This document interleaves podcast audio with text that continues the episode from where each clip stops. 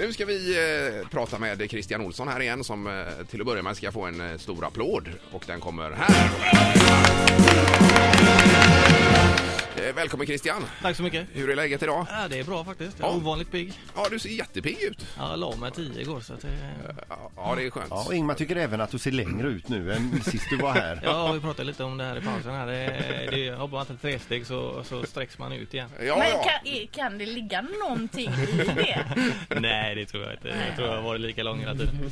ja 1,93 sa vi va? Stämmer. Det är det. Du har ju dratt det för oss förut men nu har jag glömt av vad antal kilo du nämnde. Men alltså när du hoppade tre steg, själva avstampsbenet, vilken, vilken tyngd utsattes det för? Ja, det är väl mer när man kommer ner igen då. På Ja. andra Ja. steget då så är 7 till 10 gånger kroppens vikt är det de säger. Så att, eh, jag vägde runt 78 till 80 kilo så 780 kilo om man hade otur då. Som pressades ner. Det är inte konstigt att man går sönder ibland då. Nej, det är Nej. faktiskt en ganska bra kommentar att säga. Åh herregud, usch.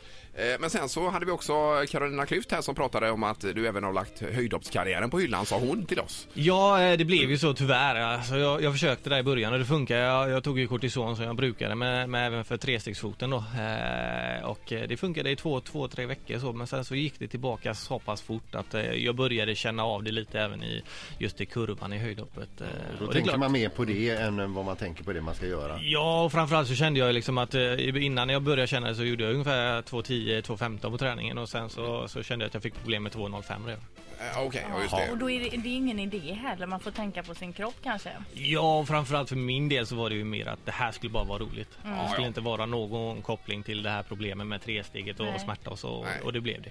Men hur är det i vardagen för dig med foten och så när du bara går runt upp för trappan hit upp till exempel och känner du någonting? Nej, det är inte så farligt faktiskt. Eh, Jag jobbar med den eh, kontinuerligt också och försöker hålla uppe rörligheten i den och så. Men eh, det är klart att jag, jag spelar lite tennis nu senast. Jag springer på stoppbollar känns lite grann, men jag kan leva med det. Men kommer du alltid få leva med den, det så att säga? Eh, Det är nog högst sannolikt ja. Eh, De säger, vissa sa till ja men även ett berg slipas ner av, av regnet med, med tiden men mitt berg som är broskt och det byggs ju upp igen. Så att eh, det, det är någonting, någonting jag får leva med. Ja, okej. Ja, just det. Nej, det är, det är tuffa bananer att ligga på topp hela tiden. Vad gör du nu då? då? Eh, ja du, det, har börjat göra lite diverse saker. Eh, Bland annat nu då som sagt så, så jobbar jag med inommuseum här då som eh, kommer första 3 mars till Göteborg. Mm. Och vad är liksom, vad är upplägget? Vad kommer hända där? Ja, det kommer bli rätt mycket. Vi jobbar ju även med att eh, ha våra gamla stjärnor, ja, gamla inom parentes då, eh, eller vad man säger. Och eh, nu vet jag inte, jag brukar vända på det här, men eh, Modern Swedish Legends då. eh, Ja, ja. Carolina hade också svårt att få till det rätt vad det he- skulle heta. Ja, det är de tre orden i alla fall, så Ja. mycket kan vi säga. Och, eh, ja, vi jobbar väl för att visa att fortfarande friidrott är en väldigt attraktiv sport och att det är väldigt roligt fortfarande och att vi har nya stjärnor på gång även om kanske stafettpinnen inte riktigt har plockats upp direkt efter eh, de stjärnorna som vi har haft med, med Carro och alla. Så att eh, det är det. Vi snackade ju tidigare här Christian om vad man stör sig på hos sin partner. Mm. Har du någonting du stör dig på hos din partner? Eh, ja, det, det kan man väl säga. Det finns en och annan sak så, men det är små saker. Jag får till exempel inte ha fyra prickar på volymen på tvn. Det, det På, går inte. på kvällen då? Nej, det det, det är tydligen det, det väcker våran lille son. Men Ja. tre prickar går bra. Det är stor skillnad där.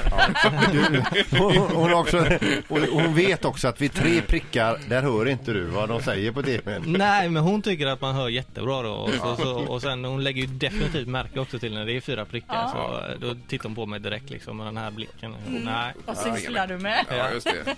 Ja, nej, det är olika. Men det är ju alltid från detta då till eh, att bli, bli lämnad som vi hade en som ringde tidigare. Ja, han störde sig på att han hade blivit lämnad. Ja, Ja, visst. det, det, det är fullt förståeligt. Det är värre än fyra eller tre prickar. Ja, det kan ju diskuteras i och för sig.